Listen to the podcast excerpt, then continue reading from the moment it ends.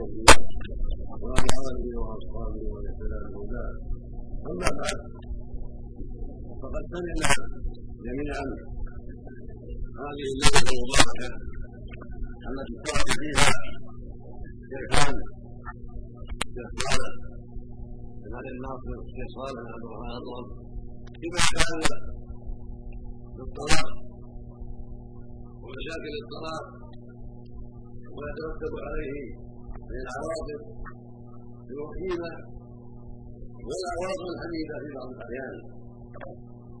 وفيما يتعلق أيضا بالنكاح وهو النكاح ومصالح النكاح.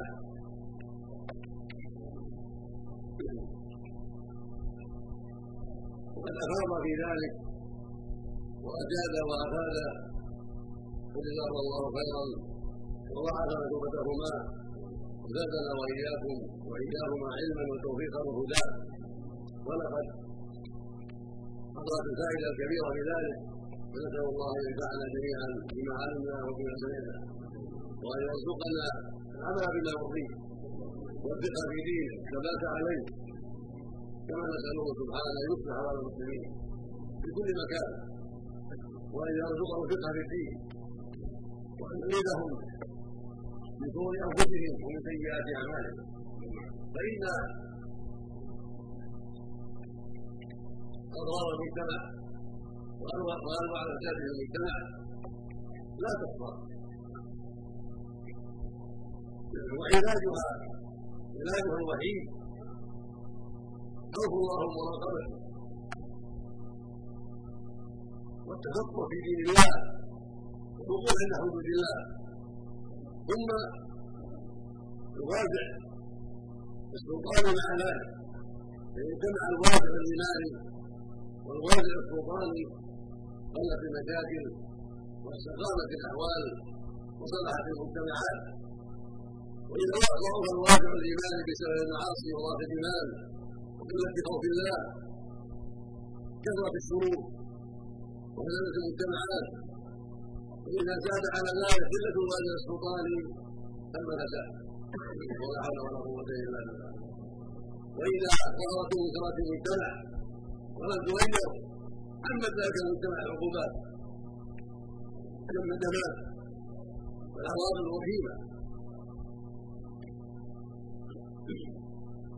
ومن اسباب صلاح المجتمع توصي أفراده. بالخير وتناصحهم فيما بينهم واخذ قصيرهم على سفيههم وكبيرهم على صغيرهم والرجال على النساء وصيامة وصيام على النساء بما قضى الله سبحانه وتعالى وبما انفقوا من أموالهم والا يتكافل الناس فالتكافل وضرورته عظيمه والواجب على كل إنسان أن يسال نفسه فيما اوجب الله عليه. وأن يحرص على أن يساهم في اصلاح المجتمع حسب طاقته بالامر بالمعروف والنهي عن المنكر والنصيحة والمشورة إلى غير ذلك مما يستطيع من الزوجين ومن الجيران ومشاكلهم وفي الأسواق ومواضع البيع والشراء وفي الاسفار وفي كل مكان. الأمور المبارك اينما كان واينما كان يبذل وسعا في اصلاح المجتمع في اصلاح الافراد والجماعات في توجيهه إلى الخير فيما يتعلق بالمنكرات التي يفعلونها وما يتعلق بالفرائض التي يضيعونها والمشروعات التي ينبغي لهم فعلها وفيما يتعلق بالطلاق والنكاح وأسباب الطلاق وفيما يتعلق بوسائل الفواحش وانتشارها بين الناس. ولقد أوضح الشيخان الكثير والكثير من اسباب الطلاق وقد وقع لنا من ذلك مثل ما ذكر الشيخان وعرفنا الحل الناس شيء كثير. من أسباب الطلاق وهي في كثير من الأحيان أشياء كافيه تدل على ضعف للجميع في هؤلاء وهؤلاء. تدل على ضعف الايمان وضعف العقول وقله المبالاه بامر الله ومن اعظم الاسباب كثرة مشاكل الحياة كثرة مشاكل الحياة يجد يكون الزوج متعبا في ليله ونهاره ثم تكون الزوجة متفرغة لإيذائه ومطالبته بأشياء لا يستطيعها أو تشق عليه ثم تلح عليه لحاحا كثيرا حتى لا يجد مناصا من الصلاة الأسباب كما سمعتم ما وقع في كثير من الناس من تغيير العقول بالحبوب والخمور. كثير من الناس والعياذ بالله يسهرون على ما حرم الله. ويصبحون لا عقول لهم. وعند أقل شيء يطلقون بلا شعور وبلا عقل وتنازع العلماء في ذلك؟ هل يقع طلاق الشيطان الذي لكنه متعمد بفعل المحرم أما الذي ما تعمد مغرور يصبح شيئا مانعا كلمه كانت بدرا لا مسكن فسكت هذا لا يقع طلاق عند الجميع كالمجنون والمعدوم لكن كلام من سكر عمدا جره وجلساء السوء ونفسه الأمر بالسوء إلى تعاطي الحرام. هذا هو محل الابداع فأكثر العلماء يرون وقوع الطلاق عقوبة له. قالوا ولا يكون فعله الحرام عذرا في عدم وقوع الطلاق وذهب اخرون وعن رأسهم عثمان بن عفان رضي الله عنه جماعة من العلم قالوا لا يقع طلاقه إذا عرف أنه سكران وقت الصلاة لأنه لا عقل كالمجنون والله جعل عقوبته الجلد ما جعل عقوبته جعل عقوبته الجلد فيكتب في الجلد. الذي شرعه الله ويكفي ذلك ولا يقع طلاق ترى هذا شيخ الاسلام الكريم وجماعة. ومن اقرب إلى الخير إن شاء الله واولها قاعدة. ولكن في هذا العصر كل ما أمكن من بقاء النكاح. وعدم بقاء النكاح. ثم أوقع ثم أمكن من عدم مفاصلات وجه داعي ينبغي سلوكه كثرت مشاكل الصلاة وكثرت المطلقين كثرت اسباب الصلاه فلو غفل بكل سبب تحت ضحيه ذلك جنب القبيل كل يوم من النساء فكل ما امكن كل ما امكن بقاء النكاح الذي هو الأصل. وعدم وقوع الصلاه بوجه شرعي ما امكن ذلك. فهو أولى بالمسلمين وأولى بالمفتين. حفظا للمسلمين عن الوقوع في معاصي الصلاة وما يترتب عليه بعد ذلك. بقاء الرجال بدون النساء وبقاء النساء بدون الرجال. وتفرق العوائل وتيتم النساء الأولاد فإنهم يكونون كالأيتام عند امهاتهم فمهما أمكن للمفتي والقاضي. وطالب العلم لا في أمور الناس. مهما أمكنه بقاء النكاح وعدم ايقاع الطلاق بوجه من الوجوه وشكر الوقع وضاع عقله بغضب شديد غلب عليه طرق الخير. غلب عليه عقله حتى ما شاء كيف يقلد وما ضرب نفسه.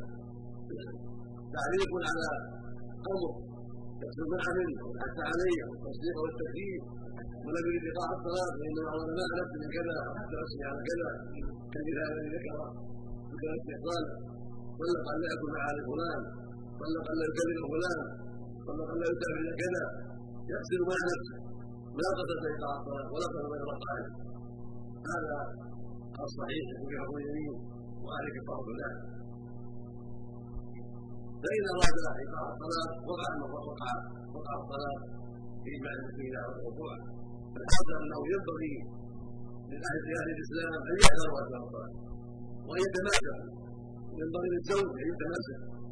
وللرجل ينبغي أن يكون صبره قويا ويتحمل حتى لا يقع الصلاة والواجب على المرأة أن الله بالأزواج وأن تحذر أسباب الصلاة وأن تتحمل بعض الشيء من تأدبه على بعض الشيء أو ذوق قلوبه بعض الشيء أو تقصيره في النفقة بعض الشيء وما أشبه ذلك.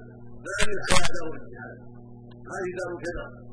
هذه دار البلايا والمحن هذه دار النعيم وليست دار الراحة والحصول هذه دار الابتلاء والامتحان دار الأقدار على من قبلكم وعليكم وعلى من يأتي بعد دار النعيم مهما كانت الحال وكل يصيبه من كذلك الملوك ولا الملوك ولا أيام فقراء كل ياتي نصيب من كذبها وعلاها ومشاقها وانواع ابدائها فالواجب على الأزواج أن يتحملوا وأن يتقوا الله في النساء لانهن اسيرات حوالي عندهم ضعيفات التصرف في الغالب فالواجب تقوى الله فيهن وان يعاشرهن بالمعروف وان لا يسحروا فالمرأة إذا سهر عنها الزوج وتركها وحدها يتغير عقلها ويتغير مزاجها. فإذا جاءها بعد ذلك لا تستطيع السكوت عنه فيجب عليه يتقي الله وألا يسحر. فاستهدروه ويأمر زوجته ويمنعه من الصلاة في الجماعة في الفجر أو من الصلاة في الوقت.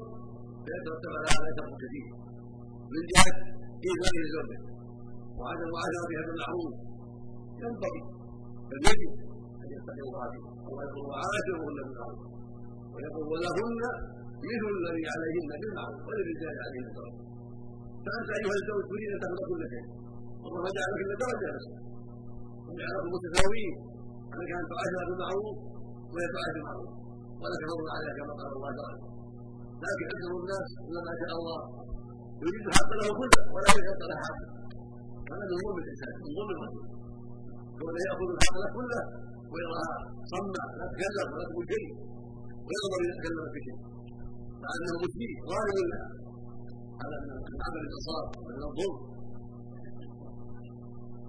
فهي لها حق عظيم ولها حق عظيم والله يقول وعاشرهن ما قال وعاشرن أزواجكم.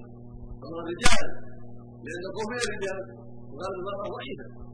فالقوم من الرجال ولهذا أمر الله الرجال فهو عاشرهن لأنه لأنه مسكينات يظلمن كثيرا قال وعاشرهن بالمعروف وقال ولهن مثل الذي عليهن بالمعروف ثم قال الرجال أيضا فامرهن سبحانه وتعالى واوصى بهن والنبي صلى الله عليه وسلم قال اتقوا النساء خيرا فإنهم اعوان عندكم. المفروض أن الواجب على الأزواج أن يتقوا الله وأن يحذروا اثر الطاعة. وظلم النساء ومن أعظم من أسباب الظلم من أسباب الشر. السهر الكثير السهر الكثير وتعاطي المسكرات والتدخين هذا التدخين الذي يستاهل نفسه قد يسبب مشاكل كثيرة. ومضايقات على الزوج حتى لا يتمالك من الطاعه وسمعت أن بعض الكتاب من الكفرة كتب في بعض المجلات يقول ايها المراه اذا كان زوجه يدخن فانتظر الطاعه يعني انه ياتي مشاكل ومضايقات لا يتحمل فيقلب الا أقل شيء لأن هذا التدخين وهذا يضيق مجال نفسه يضيق مجال الدم يسيء إلى شرايينه يسيء إلى قدره يسيء إلى قلبه يسيء إلى كل شيء وضربه كثيرا والمشكل اعظم واقع الذي له العقل الكليه المقصود أن الواجب على الازواج ان يتقوا الله وأن يحذروا اثناء الصلاة وأن يحذروا قبل ذلك معصية الله جل وعلا. وهم ليس معصيه الواجب يحذر معصيه الله جل وعلا. السهر من ظلمهم وإيذائهم يسهر فإذا جاء أهل الليل جاء تعبان. ثم سكران. ولا تعبان من ساد آخر والعياذ بالله. ثم إذا جاءها وهي ضعيفة تنتظره جعلت تنوبهم وينوبها حتى الطلاق بعد ذلك. ثم من ثمرات هذا العمل السيء جلال عن صلاة الفجر. جيفة جيفة في آخر الليل؟ السهران في أول جعل مع الله جل وعلا فإذا جاء الفجر جيفة لا يصلي في الجماعة ولا يصلي في الوقت. هذا من الخير نعوذ بالله فالمرأة لا التي كان فيها دين تضيق بها الأرض. وتطلب فيها لا يصلي. ويسهر ولا يسر إليها ولا يسر معاشرتها أي خير وراء هذا؟ لأن العاصي لا إلا بالشر لا تأتي بالخير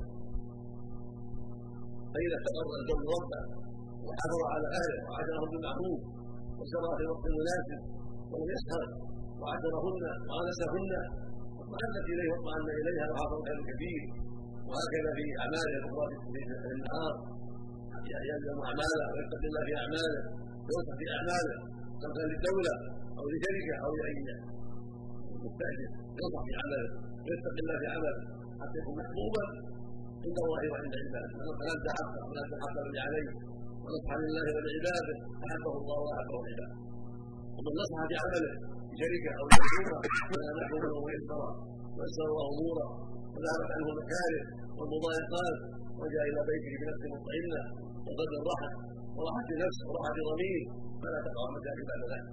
ولكن تقع مشاكل المعاصي والسرور والظلم لنفس والظلم لغيره وسوء العمل والخيانات في اعماله إلى غير ذلك. نسأل الله السلامه نسال الله لجميع الهدايه والتوفيق. نسأل الله لجميع الهدايه والتوفيق. أما الحوادث التي قد حصلت فلا تحصى. سنه من الشهيد. وبعد ذلك وإذا لم يصدق كثير من نسأل الله. من أسباب الصلاة التي لا قيمة لها إلا أن الزوج جاء متعب الله قال وهي لا ترحمه ولا تضليله لأن الله لا بها ولا ولا رحمها ولا أحسن إليها فيقع من ذلك الشر الكبير والضرار ثم الندم بعد ذلك.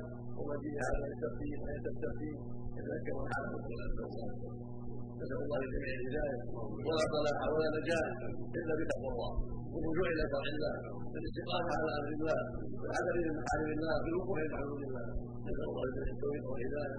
وجزا الله خير خيرا وبارك فيهما. وجعلنا وإياكم وإياهما من خير عباد الله. وصلى الله وسلم على صلى الله على محمد وعلى آله